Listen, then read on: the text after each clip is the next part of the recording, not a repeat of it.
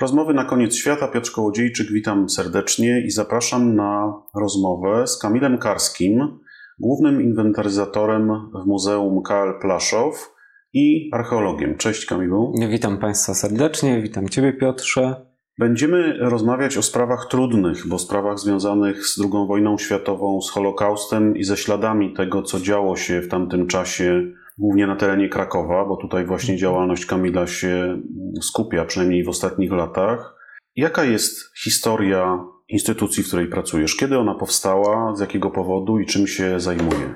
E, historia instytucji, w której pracuję, jest e, stosunkowo krótka, ponieważ muzeum zostało powołane, a właściwie zaczęło funkcjonować e, no, nieco ponad rok temu, czyli 1 stycznia 2021 roku. Natomiast nie jest to do końca tak, że jest to zupełnie nowy byt, który wkroczył na arenę kulturalną czy też muzealniczą Krakowa, ponieważ już parę lat wcześniej mm, w Muzeum Historycznym Miasta Krakowa, dzisiaj Muzeum Krakowa po prostu, istniała pracownia. Muzeum Miejsce Pamięci na terenie byłego KL Plaszow i tam korzystając też ze środków grantowych, z takiego umocowania prawnego, mm, z dotacji i miejskiej, i ministerialnej, staraliśmy się rozpocząć prace, które miały się przełożyć na upamiętnienie tego obszaru. Oprócz takich prac, które miały czysto wymierny charakter, czyli m.in. przygotowanie mm, koncepcji muzeum, przygotowanie scenariusza, również y, podejmowaliśmy się różnych prac badawczych. Były to oczywiście kwerendy historyczne, ale też w pewnym momencie pojawiła się archeologia jako sposób rozpoznania terenu poobozowego. No właśnie, bo ja pamiętam to miejsce, no jestem e, Krakusem i mieszkam tu od urodzenia i pamiętam ten, ten rejon mm, dawnego obozu e, jako miejsce dzikie, zarośnięte, które mm, no, podczas jakichś spacerów z rodzicami w dzieciństwie omijało się chodząc po okolicznych hmm. obszarach, no, na, na kopiec Krakusa chociażby, czy gdzieś tam w, w, te podgórskie rejony i nic właściwie tam nigdy się nie działo, prawda? Do czasu, kiedy wy się tam na poważnie pojawiliście z badaniami ostatnich lat. To też nie do końca tak jest, ponieważ co paręnaście, co dwadzieścia, trzydzieści lat były plany upamiętnienia tego miejsca. W efekcie one rozbijały się często o brak środków, czy też brak kontynuowania tej inicjatywy. E, natomiast no, takim największym zrywem w tych potrzebach o upamiętnienie była budowa pomnika ofiar faszyzmu. Tego, który góruje dzisiaj na Centrum Handlowym Bonarka, tego, który jest widoczny z wielu punktów e, miasta. Był to rok 1964. Mhm. E, obecnie teren poobozowy faktycznie jest trochę wpisany i trochę oswojony przez Kraków, ponieważ gdybyśmy popatrzyli historycznie, to były przedmieścia Krakowa. Dzisiaj trudno mm, nie określić tego miejsca jako centrum miasta. No tak, jest otoczone osiedlami mhm. współczesnymi. E, teren też bardzo się zmieniał. E, no, natomiast faktycznie to, jak wygląda dzisiaj, jest jego niesamowitą wartością, bo pewnie gdyby to upamiętnienie, czy też muzeum powstawało 20 lat wcześniej, 40 lat, czy zaraz po wojnie, tak jak miało to miejsce w niektórych przypadkach e, w miejscach po obozach koncentracyjnych, pewnie by to w jakiś sposób zapetryfikowało to miejsce i budowało taką mm, może wizję twardej historii, e, jednoznacznie przekazanej. Żyjemy 80 lat po wojnie, a więc pewni i o tym 80 lat na gruncie i muzealnictwa, i badań materii II wojny światowej jesteśmy mądrzejsi. I dlatego być może to pozwoli nam zbudować takie upamiętnienie, takie muzeum, taką przestrzeń, która będzie szyta też na miarę współczesnych ludzi. To powiedzmy może e, w skrócie, co tam się działo, co tam się znajdowało, dlaczego to miejsce no, jest taką dość specyficzną raną, właściwie chyba należałoby powiedzieć, na, na, na, na tej miejskiej tkance Krakowa. Obóz powstał początkowo tak naprawdę od drugiej połowy 1942 roku. E, I coś, co jest bardzo charakterystyczne dla historii Płaszowa, no właśnie płaszowa lub plaszowa, jak powinno się mówić poprawnie, to jest ta dwoistość i ambiwalencja, mm, o której zawsze możemy mówić, czy też używać jej jako pewnego rodzaju konstrukcji w opowiadaniu o tym miejscu. Pamiętane, niepamiętane. zielone i spokojne ze straszną historią. Możemy to odnieść nawet do e, bezpośredniej historii, bo obóz powstał jako obóz pracy przymusowej i tak funkcjonował przez niespełna półtorej roku, a następnie w 1944 został dopiero przemianowany na obóz koncentracyjny. Co jest w tym miejscu przede wszystkim ważne, to pewne cechy specyficzne odróżniające KL Plaszow od innych miejsc. Przede wszystkim był to obóz, który został sformowany czy też założony z myślą o krakowskich Żydach. To oni stanowili największą e, grupę więźniów jednokrotnie przyjętą po likwidacji getta w marcu 1943 do 1943 roku do obozu, ale też e, z czasem obóz się bardzo rozwijał. E, początkowo planowano, że przyjmie 4-5 tysięcy więźniów, podczas gdy wiemy, że już w marcu właśnie po likwidacji getta w obozie znajduje się 10 tysięcy więźniów. U szczytu swojego rozwoju w jednym momencie w obozie przybywało ponad 20 tysięcy więźniów. Takie bardzo ostrożne szacunki pozwalają nam określić na ilość więźniów w ciągu trwania całej historii obozu na 35-40 tysięcy osób. Wspomniałem o Żydach, wspomniałem mm, również o tym, że obóz się rozrastał i faktycznie coraz więcej więźniów było e, deportowanych z okolicy. Coś, co też jest bardzo charakterystyczne dla tego miejsca. To byli ludzie stąd. To nie był obóz, można by było powiedzieć, międzynarodowy. To byli ludzie, którzy się znali, który, którzy przenieśli całą sieć relacji, znajomości, tego, jak odnajdują się w tym świecie wewnątrz obozu.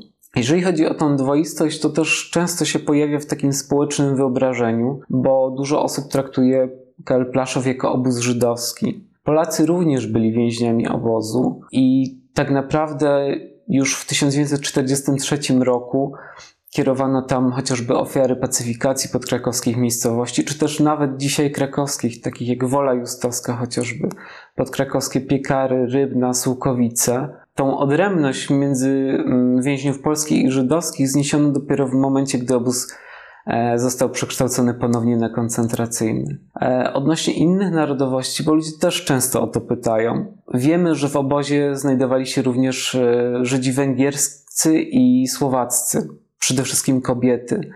W momencie, gdy na Węgrzech przystąpiono do finalizacji ostatecznego rozwiązania, po prostu Auschwitz, a w zasadzie Birkenau, nie było w stanie przyjąć tak licznych transportów, które były cofane czy też czasowo odsyłane mm, do Płaszowa. Bardzo nieliczne relacje, bardzo skąpe źródła odnoszą się wreszcie do społeczności romskiej. Wiemy, że takowa była. E, było to najprawdopodobniej kilka rodzin, natomiast E, nie wiemy więcej. Wciąż jak gdyby ten mm, wątek historii e, KL Plaszow jest do zbadania, jest przed nami. To bardzo ciekawe, co e, mówiłeś o tej pamięci lokalnej społeczności, bo rzeczywiście ja, choćby w mojej pamięci, ten obszar no, gdzieś tam pozostał jako takie tereny zielone, dzikie, oczywiście naznaczone pewnymi wydarzeniami, ale jako dziecko nie rozumiałem przecież, co, o co tak naprawdę chodzi. Ale myślę, że tego, do tego tematu jeszcze wrócimy na, może na koniec naszej rozmowy. Natomiast e, wróćmy, zatrzymajmy się przy badaniach, e, mhm. które prowadziliście. Kiedy one się zaczęły i, i, i, co udało Wam się zrobić? Jakie, jakie były efekty tych prac? E, badania zaczęły się w 2016 roku i jak gdyby podążaliśmy takim najbardziej klasycznym, możliwym, wypracowanym scenariuszem, czyli przewidzieliśmy zarówno badanie nieinwazyjne z wykorzystaniem geofizyki e, w dwóch etapach. Potem staraliśmy się mm, wyznaczyć miejsca możliwe do badań wykopaliskowych. W tym zakresie bardzo ściśle współpracowaliśmy też z Komisją Rabiniczą do Spraw Cmentarzy, ponieważ pewnie część z Państwa o tym wie, ale y, zasady halachy, czyli Zwyczajowe prawo religijne żydowskie uniemożliwia prowadzenie ekshumacji bądź też e, naruszenia ludzkich szczątków. Dlatego też staraliśmy się wyeliminować taką możliwość, choć nie zawsze z powodzeniem. E, badania wykopaliskowe to ta część najbardziej spektakularna i chyba kojarząca się najbardziej z archeologią. E, staraliśmy się przebadać tylko te miejsca, których których wykopaliska dawałyby nam odpowiedź na konkretne pytania badawcze. Mm, te pytania badawcze były oczywiście różne. Takim generalnym było dokładne zmapowanie e, reliktów, sprawdzenie też e, tego, jak one mogą być przez nas konserwowane i wreszcie ustalenie bardzo precyzyjnej i dokładnej topografii tego miejsca. Bo tak jak zacząłeś mówić, to faktycznie jest teren zielony. E, zieleń z jednej strony daje ukojenie, pozwala zapomnieć, ale właśnie z drugiej strony też maskuje przeszłość. Tak więc to jest też ważne dla naszej pracy jako muzealników, że e, musimy zrównoważyć to, co odkryć, to, co eksponować, a też jak z szacunkiem podchodzić do tego, co się wydarzyło w tym terenie po wojnie. Czy wasze prace były punktowe, czy staraliście się cały obszar obozu w jakiś sposób przeanalizować i przebadać? E, badaniami geofizycznymi objęliśmy około 2 trzecie powierzchni obozu. Przede wszystkim to były badania geomagnetyczne. W zawężonych, e, w zawężonych obszarach staraliśmy się również prowadzić badania innymi metody, metodami, georadarem, mm, konduktometrem, badania elektrooporowe. Wiemy też, że w przyszłości badania nieinwazyjne pozwolą nam na rozpoznanie tych części obozu, które jak gdyby zostawiliśmy trochę na potem, które nie były aż tak bardzo istotne e, z naukowego punktu e, widzenia dla nas i też nie były aż tak istotne dla rozpoznania scenariusza upamiętnienia. Jeżeli chodzi o badania wykopaliskowe, to były badania, które są podobne trochę do badań architektonicznych, e, ponieważ siłą rzeczy badaliśmy tą przeszłość nieodległą, przede wszystkim relikty architektury. E, tak więc e, one były punktowe, ale w pewnych miejscach staraliśmy się rozpoznać całościowo konkretne budynki. Ale według jakiego klucza wybraliście te miejsca do badań? Mhm. Czy, czy chodziło Wam o jakieś konkretne miejsca, które chcieliście e, sprawdzić metodami archeologicznymi, czy, czy szukaliście czegoś, nie mhm. wiedząc dokładnie, gdzie to coś się mogło znajdować? Generalnie zachowały się cztery obozowe plany i dość pokaźna kolekcja zdjęć lotniczych, która pozwoliła w pewien sposób na ustalenie planu obozu, czy też stadiów jego rozwoju kolejnych. Gdybyśmy podchodzili do niego mm, jako pewnego rodzaju proces, który trwał ponieważ mhm. coś, co też jest bardzo charakterystyczne dla KL Plaszów, to to, że ten obóz był ciągłym placem budowym. On się bardzo dynamicznie zmieniał. W przeciągu pół roku zabudowa mogła być niemal całkowicie zmieniona. Wybraliśmy konkretne miejsca, właśnie przede wszystkim teren KL Plaszów to też teren dwóch cmentarzy żydowskich funkcjonujących w Podgórzu przed II wojną światową. Stary, założony w 1887 roku i nowy, otwarty w kwietniu 1932 roku. Tak więc widzieliśmy, że badania inwazyjne nie będą możliwe w tych obszarach. Miejscach, tak. Oprócz tego nie będą możliwe w miejscach masowych egzekucji i tak naprawdę będącymi masowymi grobami. Są trzy takie miejsca bardzo charakterystyczne tu ponownie, gdyby ta historia przeplata się z tym, co było przed obozem. Po dwa miejsca mm, to są pozostałości fortyfikacji zniesionych y, na początku drugiej połowy XIX wieku jako część twierdzy Kraków. Mm, w jednym z nich znajduje się właśnie pomnik ofiar faszyzmu. Jest to tak zwany cipowy dołek. Jest to oryginalna nazwa nadawana przez więźniów temu miejscu. Drugim jest chujowa górka, zdecydowanie mniej czytelna, e, oznaczona krzyżem. Natomiast badania nieinwazyjne pozwalały nam w pewien sposób na zweryfikowanie tego miejsca pierwszych egzekucji, przypadających przede wszystkim na rok 43. Tam wkraczaliśmy przede wszystkim z badaniami nieinwazyjnymi, z analizą relacji historycznych i analizą fotografii. Natomiast w przypadku wykopalisk staraliśmy się zbadać te miejsca, które mogą nam dać maksimum informacji właśnie. A więc przede wszystkim chcieliśmy rozpoznać konstrukcję barakową. Historia Płaszowa to też historia jego niszczenia, jego ingerencji powojennej. Wiemy, że teren obozu jest przeszyty niemalże przez instalację wodno-kanalizacyjną. E, począwszy od lat 50., przez 70. aż 90. budowano tam po prostu wodociągi jako część e, strategicznej, strategicznej inwestycji przepięcia Wisła-Raba. Dlatego wybraliśmy potencjalne miejsce, gdzie te relikty, które nie są widoczne na powierzchni Ziemi, ich nie było widać, e, miały szansę najlepiej się zachować. Był decyzja padła, że badamy barak numer 24. Staraliśmy się zbadać też inne miejsca, takie jak obozowa piekarnia. E, to miejsce z kolei wybraliśmy dlatego, że mieliśmy przedwojenne plany budynku. To było Towarzystwo Ochrony Zdrowia, e, mieszczące sanatorium dla dzieci, które były zagrożone gruźlicą. Mieliśmy też bardzo detaliczne rysunki i opisy pochodzące z relacji więźniów, m.in. Jakuba Sztendiga, który był odpowiedzialny za budowę czy też przebudowę tego budynku. Wreszcie mieliśmy bardzo precyzyjne plany katastralne, e, które pozwalały nam to miejsce zlokalizować w tej tkance obozowej i przedobozowej również, między innymi względem e, murów czy też ogrodzeń cmentarnych. Niemniej jednak takie rozpoznanie trochę globalne, ale też punktowe staraliśmy się przeprowadzić w innych częściach obozowych. Bo obóz dzielił się generalnie na trzy części. Część przeznaczoną dla więźniów, część administracyjną i część, gdzie znajdowały się warsztaty. Część administracyjna jest praktycznie już w całości zabudowana i przekształcona, tak więc nie było szans, aby prowadzić tam badania wykopaliskowe.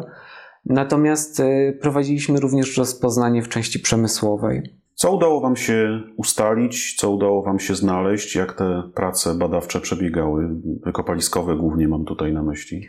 Coś, co muszę zawsze podkreślić, to to, że ja siedzę z Tobą tutaj sam na sam, a w badaniu było zaangażowanych kilkadziesiąt osób. E, archeologia jest grą zespołową. Faktycznie ja stoję gdzieś na końcu i można powiedzieć, że trochę jestem twarzą tych badań, ale bez z kolei zaangażowania osób, które były bezpośrednio odpowiedzialne za kierowanie tymi badaniami, za przygotowanie mm, inwentarzy, za oczyszczenie materiału, wreszcie tego, jak e, osoby się, e, pracujące podczas wykopalisk naprawdę autentycznie się angażowały i chciały wiedzieć, co robią no nasze spotkanie byłoby też niemożliwe. I też y, duża jest w tym zasługa Igora Piękosa, który był kierownikiem badań wykopaliskowych na miejscu, podczas gdy ja te badania koordynowałem tylko. I faktycznie możliwości dogrania przez niego zespołu świetnych ludzi, którzy, którzy naprawdę wkładali serce w swoją pracę. I właśnie odnosząc się do Igora, on y,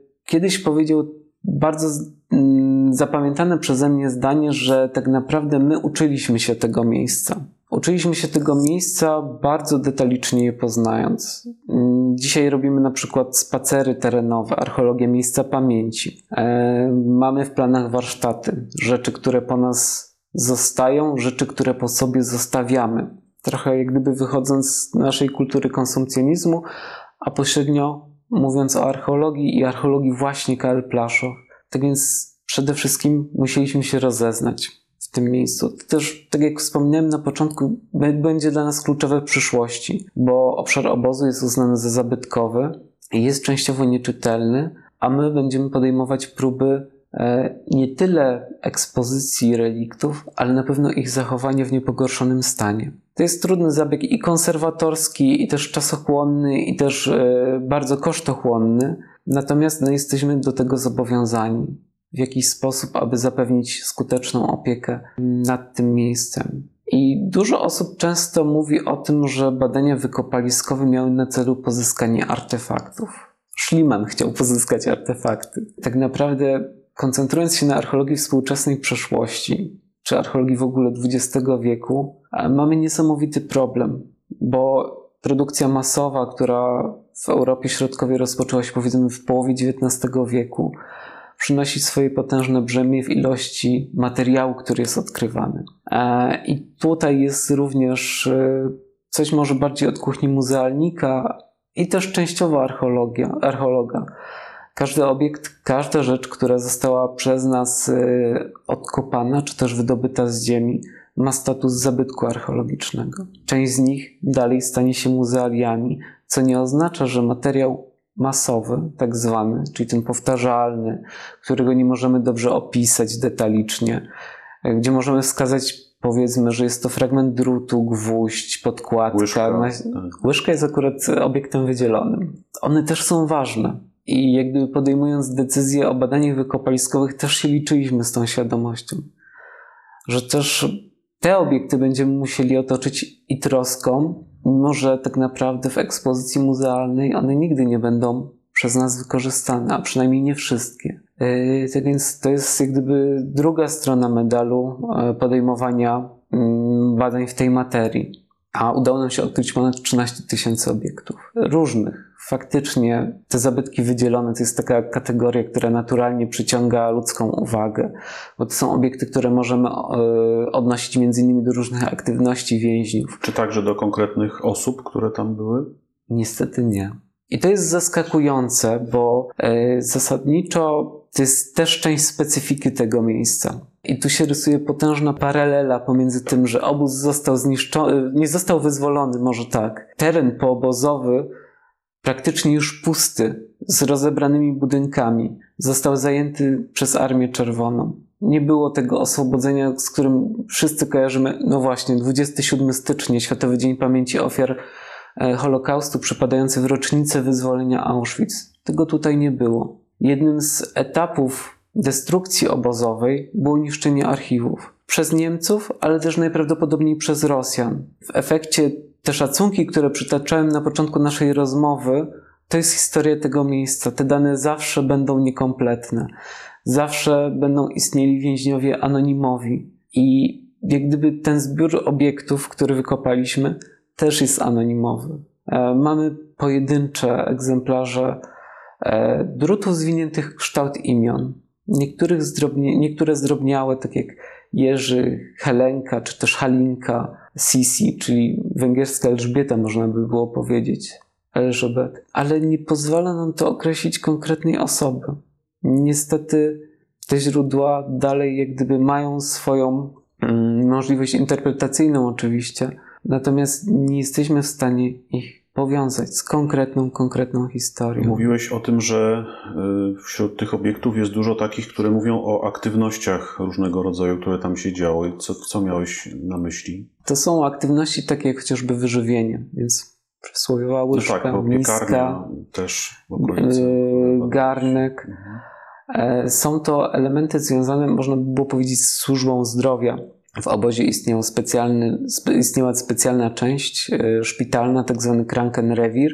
I te obiekty również e, niekoniecznie w tym miejscu, ale częściowo też, również w, e, w miejscach, gdzie istniały zwykłe baraki mieszkalne, udało nam się znaleźć. To są fiolki, mm, szkła medyczne, lusterko dentystyczne, czy nawet fragment filiżanki rozbitej, która była przez pewien czas dla nas enigmą, bo zachował się na niej napis żydowski w Krakowie. E, Istniała taka bardzo, bardzo robocza hipoteza, że mogła być to część zastawy szpitala żydowskiego w Krakowie, który mieścił się przy Skawińskiej, e, bardzo renomowanego ośrodka. I to też jest ciekawa historia, bo w pewnym momencie e, koleżanka pozyskała informację od tego, że jeden e, z Krakowian ma talerz z tej zastawy i faktycznie dopiero po porównaniu czcionek, typu zastawy okazało się, że faktycznie jest to część tej zastawy. A jeszcze dalej, badając ten konkretny obiekt, robiąc klasyczną kwerendę, okazało się, że zakład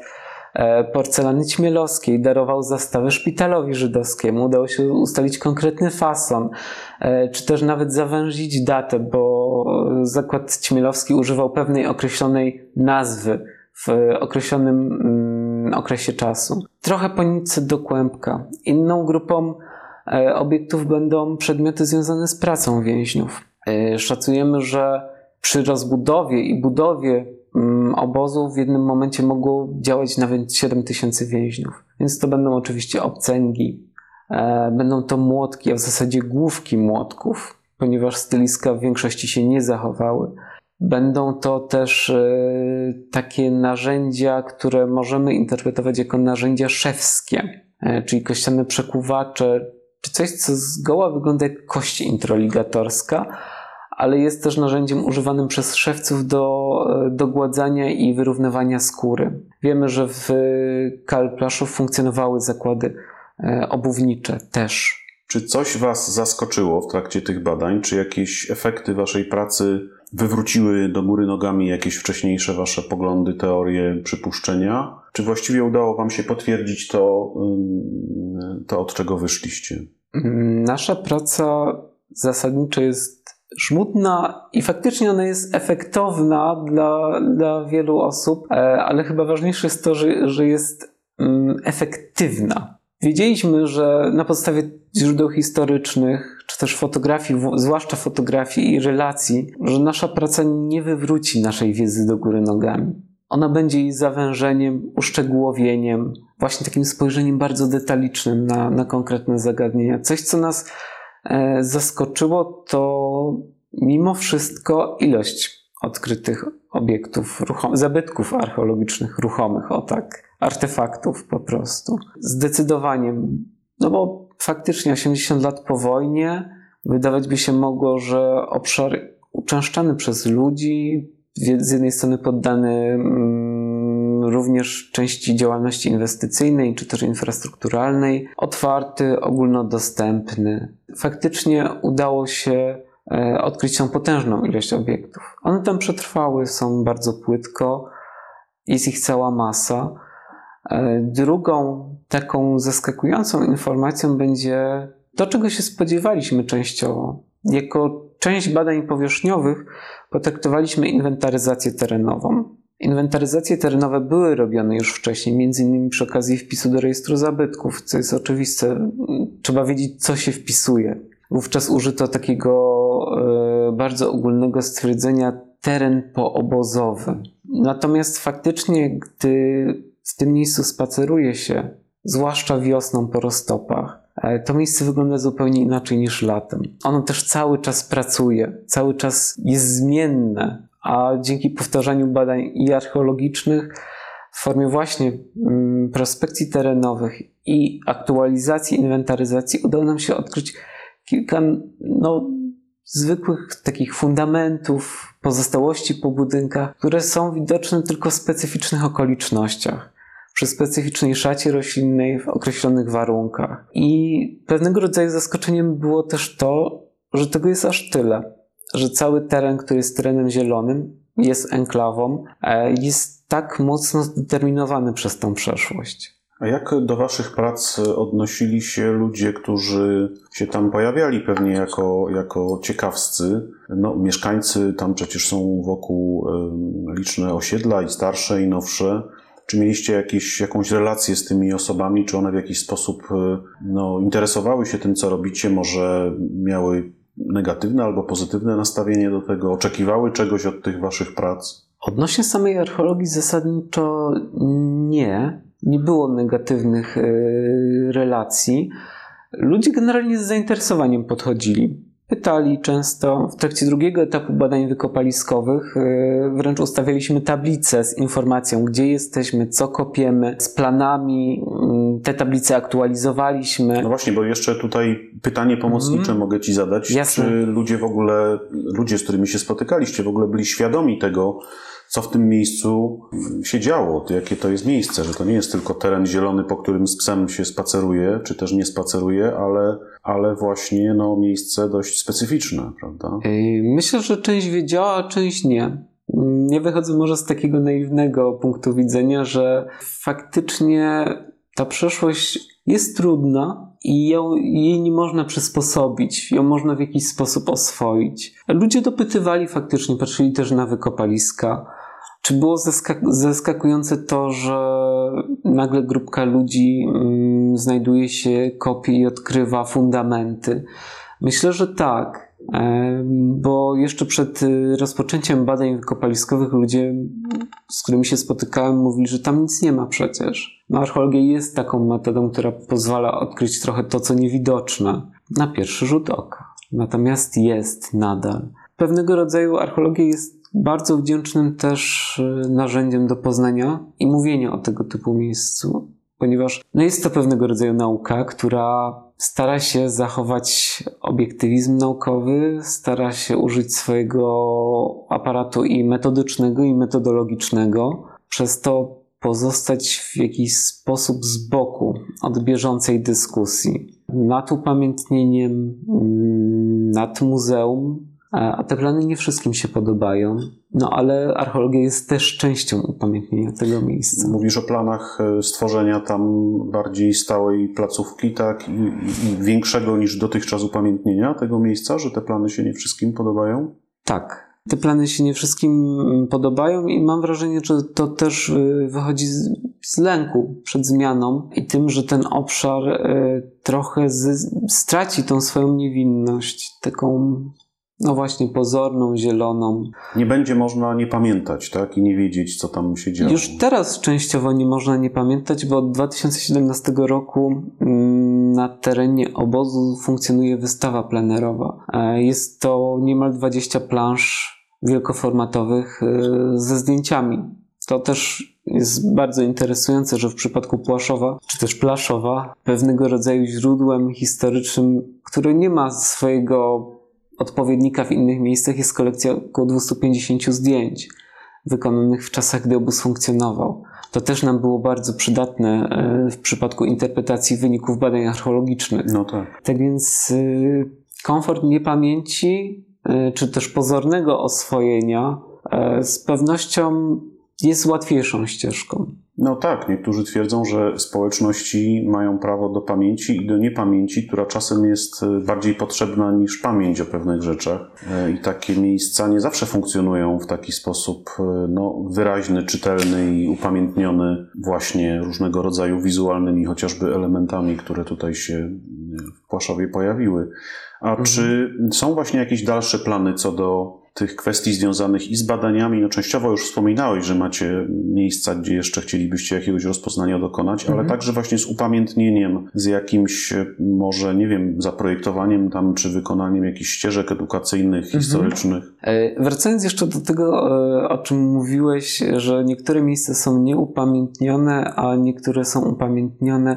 Pozwolę sobie na taką dygresję e, odnośnie tego, że faktycznie gdybyśmy zaobserwowali, trochę oderwali się od kontekstu Polski i środkowoeuropejskiego kontekstu w ogóle II wojny światowej i zwrócili uwagę na to, jak w Hiszpanii obecnie toczy się dyskusja mm, nad Doliną Umarłych.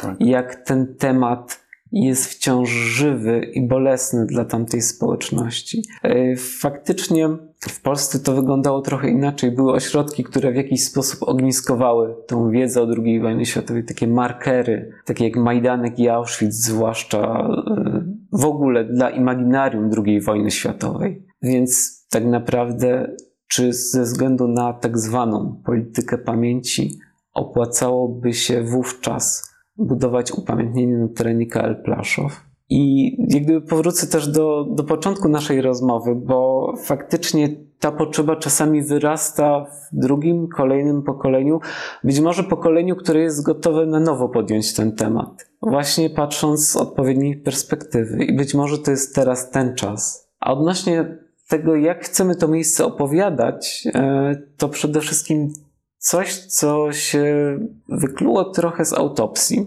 Oczywiście możemy prowadzić mm, zajęcia czy też spacery historyczne. To jest podstawa naszej działalności, ale też y, Karl Plaszow, jak żadne inne miejsce, właśnie przez to, że nie został upamiętniony, e, daje potencjał spojrzenie z perspektywy. Właśnie. Nie ma tam muzeum, teren jest pusty. Nie zobaczymy tam baraków, nie zobaczymy póki co ekspozycji muzealnej, a nawet jeśli ona będzie, to nie będzie ona obowiązkowa. Czy istnieje jakaś ścieżka edukacyjna? Tak. I tutaj też e, w grę wchodzą relacje dobrosąsiedzkie, ponieważ z 80 hektarów obozu dzisiaj coś, co ja nazywam miejscem pamięci, to jest tych hektarów 37. To jest ten teren zielony, niezabudowany, niezagospodarowany. I zawsze, gdy prowadzimy zajęcia edukacyjne, poruszamy się taką pętlą trochę e, w obszarze upamiętnienia. I ta pętla jest taką podstawową, czy też sugerowaną trasą zwiedzania. E, ludzie do obozu, czy też do miejsca pamięci w miejscu obozu będą przychodzić z różnych stron. Wejście będzie możliwe dla każdego o każdej porze. I Całym problemem tego miejsca jest też to, że je się poznaje często bardziej topograficznie niż chronologicznie. I ta ścieżka, którą sugerujemy, ma łączyć te najważniejsze miejsca w historii obozu.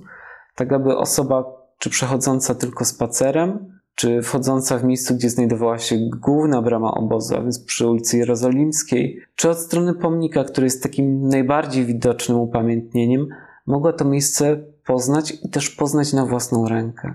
I coś, co nam archeologia oczywiście też przyniosła, czy też coś, co nam pozwoliła, przewidujemy, że e, w obszarze, który pozostanie niezmieniony, będzie taki, jaki jest. E, będą dodatkowe oznaczenia w formie przystanków historycznych, które powielą mniej więcej lokalizację, gdzie są dzisiaj plansze z fotografiami.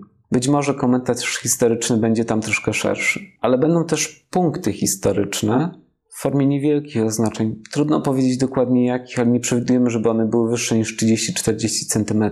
E, w miejscu, gdzie są relikty. Ich będzie kilkadziesiąt. Być może z czasem będzie ich przybywać. E, w taki sposób, że osoba posiadająca mapę, które są wydawane darmo, za darmo w muzeum, będzie mogła ten teren eksplorować. Ale też w każdym momencie, jeżeli uzna, że to jest wystarczające, że to jest nazbyt przytłaczające, będzie mogła się swobodnie wycofać. Prosta martyrologia, dźwięczy mi to zawsze w głowie, gdy, gdy mówię o tym miejscu. I też pewnie jak większość osób e, mam różnego rodzaju doświadczenia z e, miejscami pamięci, które nie są zawsze doświadczeniami pozytywnymi. Abstrahując zupełnie od tematyki, bombardowanie informacjami w trakcie wizyt zorganizowanych nie jest tym, czego ja bym chciał dla tego miejsca. Mm. Właśnie, jaka jest e, Twoja, Wasza wizja tego miejsca w tkance miejskiej Krakowa, ale może co ważniejsze, w, w tej świadomości i pamięci mieszkańców tego miasta? Czy wy chcielibyście, bo domyślam się, no, że jest bardzo duża liczba mieszkańców Krakowa, którzy nie za bardzo zdają sobie sprawę z tego, że e, w ogóle, że jest takie miejsce, a już co do szczegółów jego, jego działalności drugowojennej, to w ogóle nie mają takiej świadomości. Myślę, że znaczna część ludzi, którzy przejeżdżają codziennie obok pomnika, który widać który, który jest widoczny z drogi, która biegnie nieopodal, e, też nie zdają sobie sprawy z tego, co on tak naprawdę znaczy i co on upamiętnia. Czy macie jakiś plan, jakąś wizję, do której chcecie dążyć, jeśli chodzi o to miejsce tego obszaru, tego, e, tego byłego obozu właśnie w, wśród krakowian i, i, no i w tej miejskiej tkance? Mhm. Wizja jest bardzo prosta. Karl Plaszow był częścią Krakowa. Miejsce pamięci jest częścią współczesnego miasta. I jedyne co my możemy robić, to o nim mówić z różnych perspektyw. Czy też historii, czy archeologii, czy też form upamiętnienia, bo na przykład jednym ze spacerów, który też ja prowadzę, e, jest spacer e, poświęcony wyłącznie pomnikom i upamiętnieniom na terenie obozu. To też nam daje zupełnie e, inne pole do mówienia o Karl Plaszow. Począwszy od nawiązania do historii sztuki, poprzez do tego, przez to, że pomnik jest też pewnego rodzaju dziełem politycznym i obrazem wyobrażeń przeszłości Epoki, w momencie, w której powstał, tak. E, I budowanie takiej krytycznej wiedzy e, też jest ważne. E, jaki mamy koncept? Przede wszystkim edukacja. Na przykład w tamtym roku współpracowaliśmy z dzielnicą 13 Podgórze, czyli dzielnicą, w której znajduje się miejsce pamięci. Robiliśmy spacery przede wszystkim dla uczniów klas e, ósmych. To już jest dobry wiek, żeby opowiadać o tym miejscu, i zawsze na początku tego spaceru staram się mówić. Mam wrażenie, że mm, gdy to wymawiam, te słowa też dźwięczą mi w głowie jak mantra, że moim celem nie jest was straumatyzować, ale chcę, żebyście się zastanowili, czy to miejsce jest ważne. I wtedy pod koniec spaceru ponownie zadaję to pytanie i większość osób mówi to, co zawsze chce usłyszeć, tak, jest ważne. I odwracam to pytanie, czy to miejsce jest w jakiś sposób ważne dla Was w tym momencie?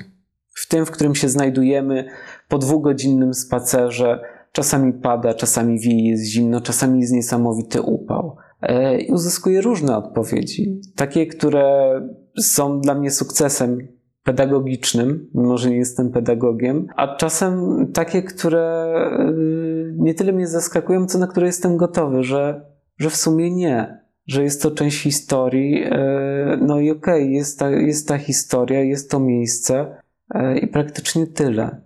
Tak więc trudno mi powiedzieć, mm, co możemy zrobić ponad to, niż mówić i właśnie świadczyć troszkę o tym miejscu E, ale też mając mm, to poczucie, że jest to trochę syzyfowa praca, e, możemy do tego wrócić za 10, za 15 lat. Tak jak wspomniałem, plany upamiętnienia i budowa nowego muzeum, nowego budynku i nowej ekspozycji jest tematem kontrowersyjnym. I być może potrzeba ponownie, tak jak w przypadku zrozumienia historii K.L. Plaszow, tego dystansu czasu, żeby zrozumieć, jak funkcjonuje miejsce pamięci i upamiętnienia. Czy mieliście kontakt z kimś, kto pamięta to miejsce z tamtych czasów? Czy są takie osoby w ogóle jeszcze żyją? Czy, czy udało Wam się taki kontakt nawiązać z kimś, czy, tak. czy nie? Udało nam się nawiązać kontakt i z więźniami, ze względu na biologię po prostu. Ich jest coraz mniej. I No tak. tak naprawdę w tym momencie łapiemy ostatni możliwy czas, żeby z nimi porozmawiać. Tych kilka osób jest, wciąż e, żyje. E, Jedna osoba jest w Krakowie. Część jest e, w Europie Zachodniej, część jest rozsiana po Polsce. Duża e, społeczność, zwłaszcza żydowska, wyemigrowała po II wojnie światowej, więc to są Stany Zjednoczone, Izrael, Kanada, częściowo Australia również. E, Natomiast też bardzo nam zależy na kontakcie z rodzinami, bo to jest jak gdyby naturalne następstwo tego, że próbując budować wiedzę o tym miejscu, budujemy ją właśnie poprzez przekazy. I tutaj sytuacja jest już zdecydowanie lepsza, bo mamy obecnie kontakt z kilkudziesięcioma rodzinami. I są to rodziny też krakowskie. Tak więc y, są to krewni i więźniów Żydów, i więźniów Polaków. E, udało nam się złapać y, też kontakt częściowo, bo to tak się odbywa trochę pocztą pantoflową, z y, osobami, które e, mieszkają na Słowacji, a których krewni przeszli właśnie przez ten krótki moment w 1944 roku przez Płaszów. Tak więc jednym z podstawowych naszych działań, też badawczych, jest projekt archiwum cyfrowego. E, W tamtym roku udało nam się do ogólnodostępnej bazy wprowadzić 1500 rekordów. Każdy z nich to jest konkretna osoba, która na dłuższy lub krótszy okres czasu swoje życie, jej życie było związane z tym miejscem. Obecnie w archiwum jest niespełna 7 tysięcy, tak więc jeszcze 7 tysięcy rekordów dotyczących więźniów. Tak więc na tą ogólną sumę nawet nie jest 25%. E, I też planujemy jak gdyby dalsze kwerendy, dalsze poszukiwania w taki sposób, aby jak gdyby móc cały czas uzupełniać naszą wiedzę o, o nowe informacje. Jak to się ma do y, planów rozwoju samego muzeum? Planujecie zagospodarować jakieś y, budynki, tereny, coś zbudować? Macie jakieś, jakieś, jakąś koncepcję tego wszystkiego na najbliższe lata? Zasadniczo mm, nasza koncepcja polega na tym, że teren poobozowy jest traktowany jako świadek przeszłości, ale też świadek zmian powojennych.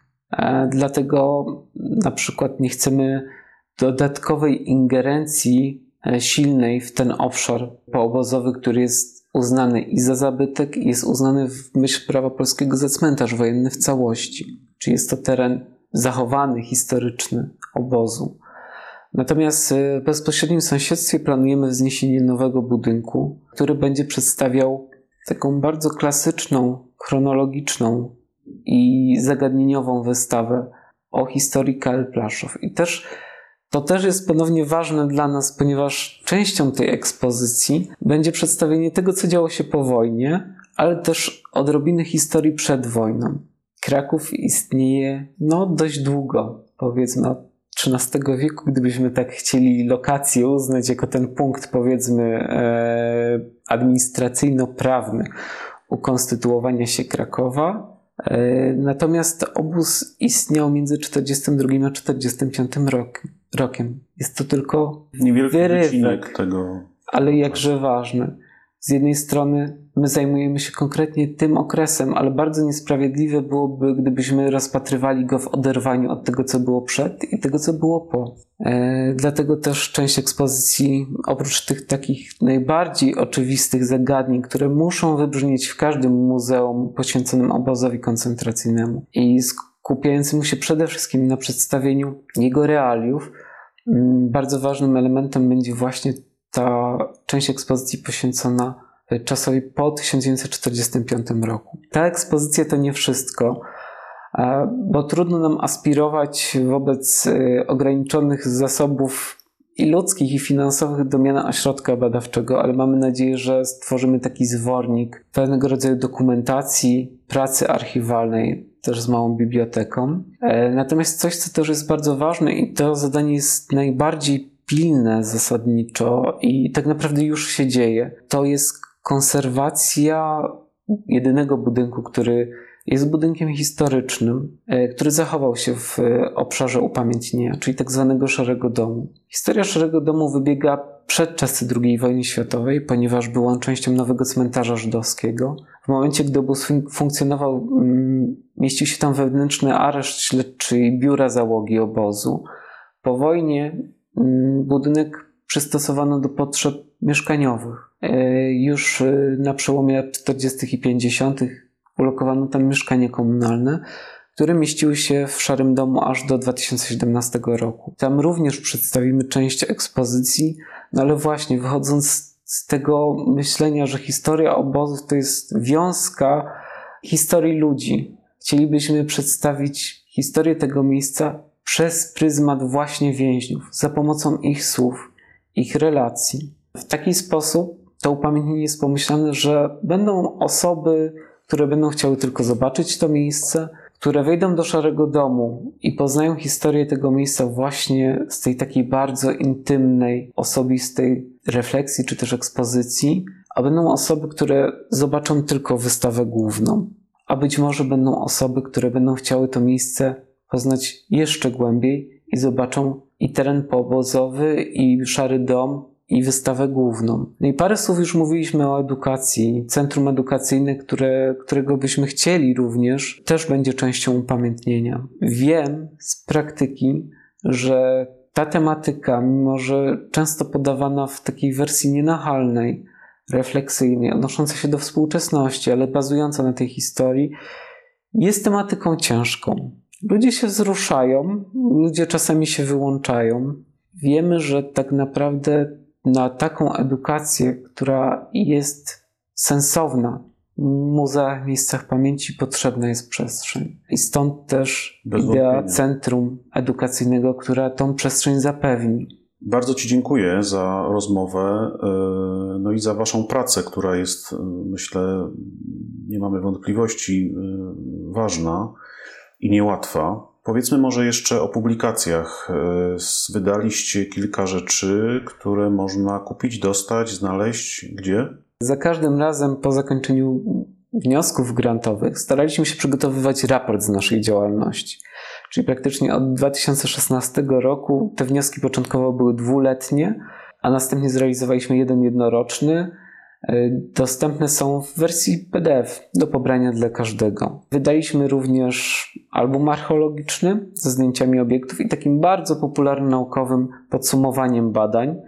E, też jest on dostępny do ściągnięcia za darmo na, na, na naszej stronie, stronie www.plaszow.org. Mhm. Podobnie zresztą jak e, materiały pokonferencyjne o trochę znamiennym tytule, który był e, tak naprawdę wróżbą tego, co się działo. Płaszów pisane z polskimi znaki, znakami odkrywanie.